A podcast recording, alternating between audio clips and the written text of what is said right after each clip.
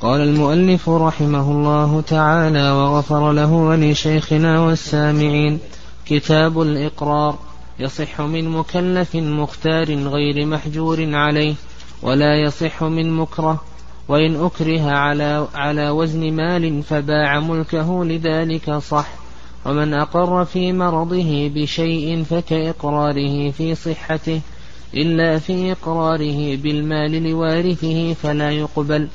وإن أقر لامرأته بالصداق فلها مهر المثل بالزوجية لا بإقراره. ولو أقر أنه كان أبانها في صحته لم يسقط إرثها. وإن أقر لوارث فصار عند الموت أجنبيا لم يلزم إقراره لا أنه باطل. وإن أقر لغير وارث أو أعطاه صح. وإن صار عند الموت وارثا وإن أقرت امرأة على نفسها بنكاح ولم يدعه ولم يدعه اثنان قبل وإن أقر وليها بالنكاح أو الذي أذنت له صح وإن أقر بنسب صغير أو مجنون مجهول النسب أنه ابنه ثبت نسبه فإن كان ميتا ورثه وإذا ادعى على شخص بشيء فصدقه صح. بسم الله الرحمن الرحيم. إن الحمد لله نحمده ونستعينه ونستغفره ونعوذ بالله من شرور أنفسنا ومن سيئات أعمالنا. من يهده الله فلا مضل له ومن يضلل فلا هادي له وأشهد أن لا إله إلا الله وحده لا شريك له وأشهد أن محمدا عبده ورسوله. اللهم صل وسلم وبارك على نبينا محمد وعلى آله وأصحابه ومن تبعهم بإحسان يوم الدين. وبعد. قال كتاب الإقرار. الإقرار هو أقوى البينات وهو أقوى من الشهادة لأن الشهادة يحتملها الكذب. وأما الإقرار وإن كان الكذب قد يدخله إلا أنه بعيد. فبعيد أن يقر الإنسان على نفسه بعيد أن يقر الإنسان على نفسه وهو كاذب. هذا نادر. لكن الشهادة يدخلها الكذب. والمؤلف رحمه الله تعالى أخر الإقرار في آخر الأبواب جعله آخر كتاب إلى آخره تفاؤلا بالإقرار بالتوحيد عند الموت. يعني تفاؤلا بالإقرار بالتوحيد عند الموت. وإلا فإن حق الإقرار أن يقدم على ماذا؟ ها؟ على الشهادة. نعم على الشهادة. يقدم على الشهادة لأنه أقوى من الشهادة. لما ذكرنا أن الشهادة قد يدخلها الكذب بخلاف الإقرار. قال الإقرار. الإقرار في اللغة الاعتراف. نعم الإقرار في اللغة الاعتراف. وأما في الاصطلاح فأن يضيف الإنسان على نفسه حقا لغيره. أن يضيف على نفسه حقا لغيره. بخلاف الدعوة فالدعوة أن يضيف حقا لنفسه على غيره. يعني الإقرار عكس الدعوة. والشهادة أن يضيف حقا لغيره على غيره. يعني فالشهادة أن يضيف حقا لغيره على غيره. والإقرار أن يضيف حقا لغيره على نفسه. والشها والدعوة أن يضيف حقا لغيره حقا لنفسه على غيره. والأصل في الإقرار الكتاب والسنة والإجماع. أما الكتاب فقول الله عز وجل يا أيها الذين آمنوا كونوا قوامين بالقسط شهداء لله ولو على أنفسكم. فإذا شهد على نفسه فقد أقر عليها.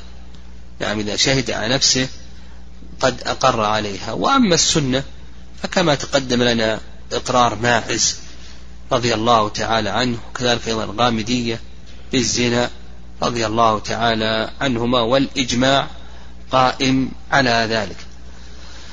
قال رحمه الله تعالى يصح من مكلف مختار غير محجور عليه. يعني الإقرار اشترطوا له شروط.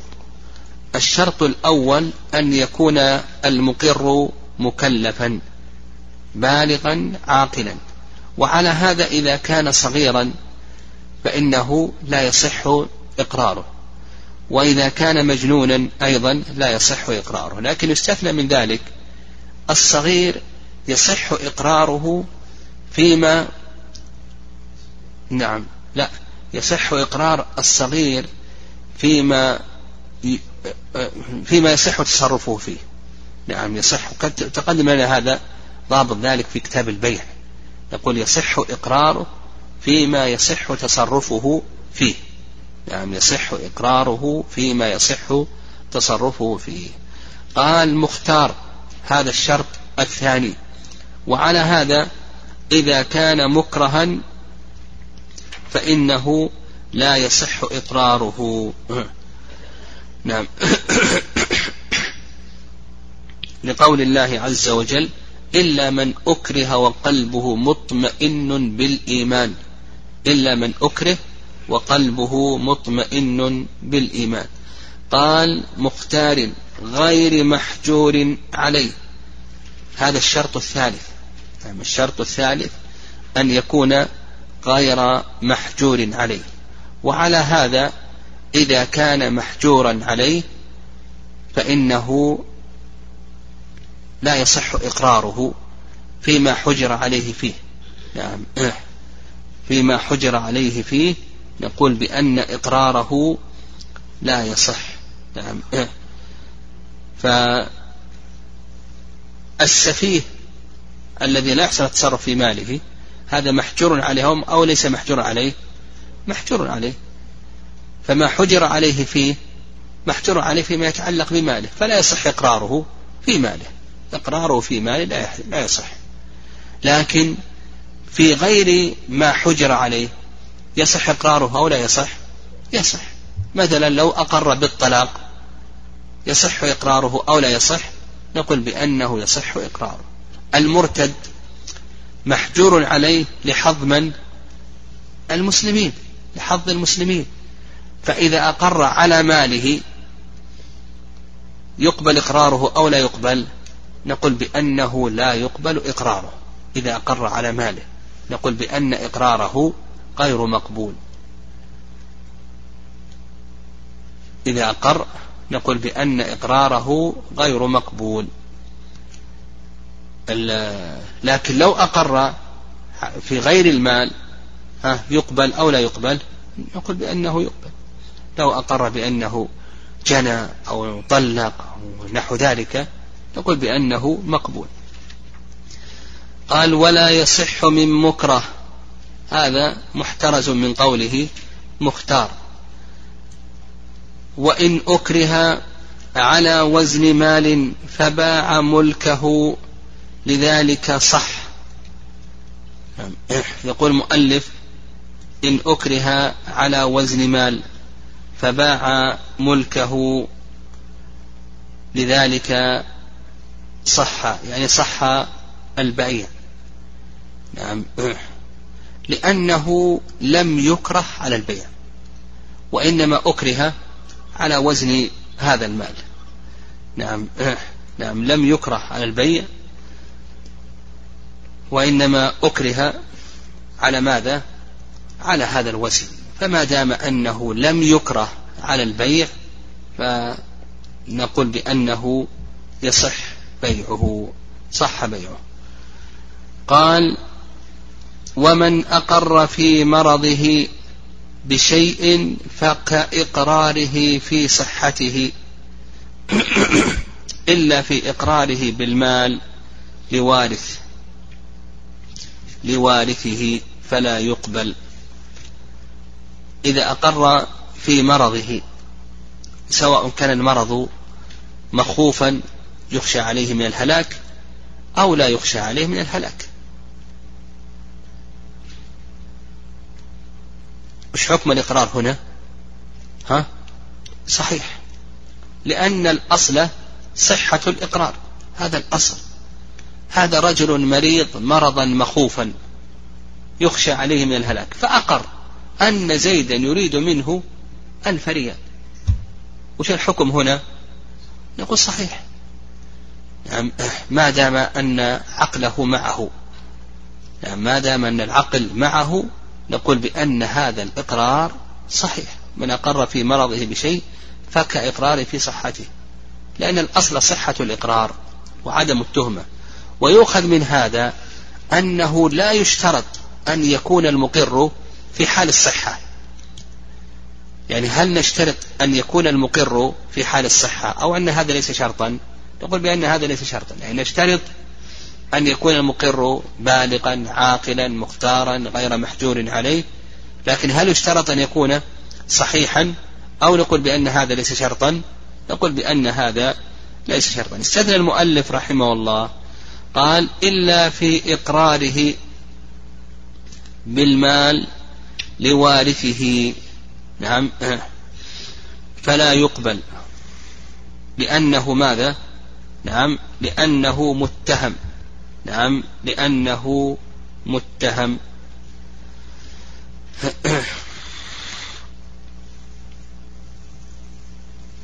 فيقول لك المؤلف رحمه الله إذا أقر هذا المريض أقر للوارث بمال لأن يقول لك لا يقبل.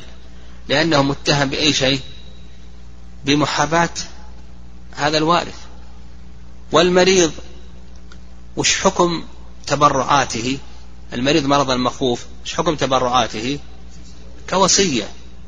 لا تنفذ إلا الثلث فأقل لغير وارث. كالوصية. وعلى هذا إذا أقر لوارث فيقول لك المؤلف رحمه الله تعالى أنه لا يقبل إقراره. طيب والرأي الثاني أنه يقبل إقراره إذا كان هناك بينة. نعم. نعم. هذا القول يقولون لا يقبل إقراره إلا إذا كان يقول لا يقبل إقراره إلا إذا كان هناك بينة أو أجاز الورثة. طيب الرأي الثاني أنه ينظر نعم الرأي الثاني أنه ينظر إلى هذا الإقرار. الأصل أن الإقرار ماذا؟ حكمه ماذا؟ صحيح. الأصل أن هذا الإقرار صحيح إلا مع التهمة. وهذا قول الشافعية. الشافعية يقولون إذا أقر المريض لوارث فإن إقراره صحيح. لأن الأصل ماذا؟ ها؟ هو صحة الإقرار. ويبعد أيضا أنه أو بل قد نقول يبعد أنه يحابي الوارث يعني هو الآن في حال سيقدم فيها على الله عز وجل في حال يتوب فيها المذنب ويرجع العاصي. كيف في مثل هذه الحال يتجرأ ويعصي الله عز وجل ويظلم بقية الورثة إلى آخره؟ فالرأي الثاني أنه يقبل إقراره نعم. اللهم إلا إذا وجد في ذلك شيء من التهمة فلا نقبل وهذا القول هو الصواب وهو قول الشافعية. نعم. قول الشافعية رحمهم الله أن أصل صحة الإقرار. قال وإن أقر لامرأته بالصداق فلها مهر المثل بالزوجية لا بإقراره. وهذا هذا مبني على ماذا؟ أن الإقرار للوارث لا يصح لأن الزوجة وارث. لكن يثبت لها الصداق بأي شيء؟ بالزوجية لا بإقراره. يقول لك بالزوجية لا بإقراره. لأن المهر يجب بالزواج. نعم يجب بالزواج فهو أخبر أنه لم يوفه.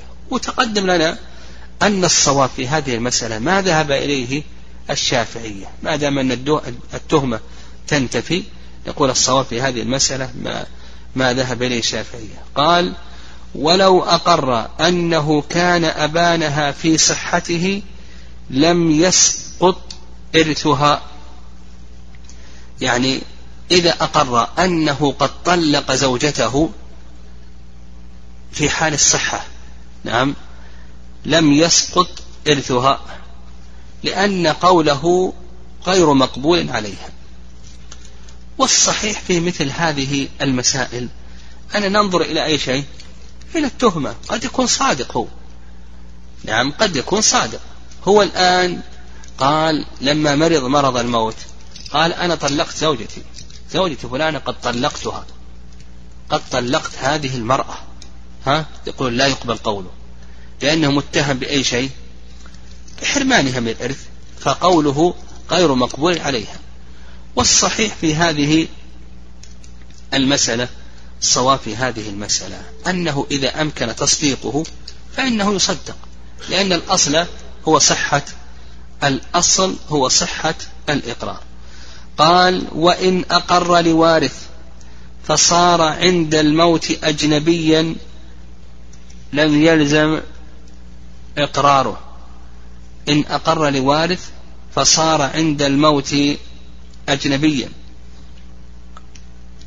يعني غير وارث. مثلا أقر لأخيه ها ثم ولد له ولد قبل أن يموت. وش حكم الإقرار الآن للأخ؟ ها أولا كان الإقرار غير صحيح لأنه كان وارثا. الآن ولد له ولد أصبح غير وارث. هل يصح أو لا يصح؟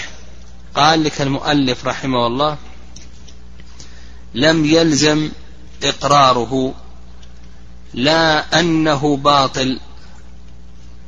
نعم وإن أقر لوارث فصار عند الموت أجنبيا يعني أقر آه، فصار عند الموت أجنبيا.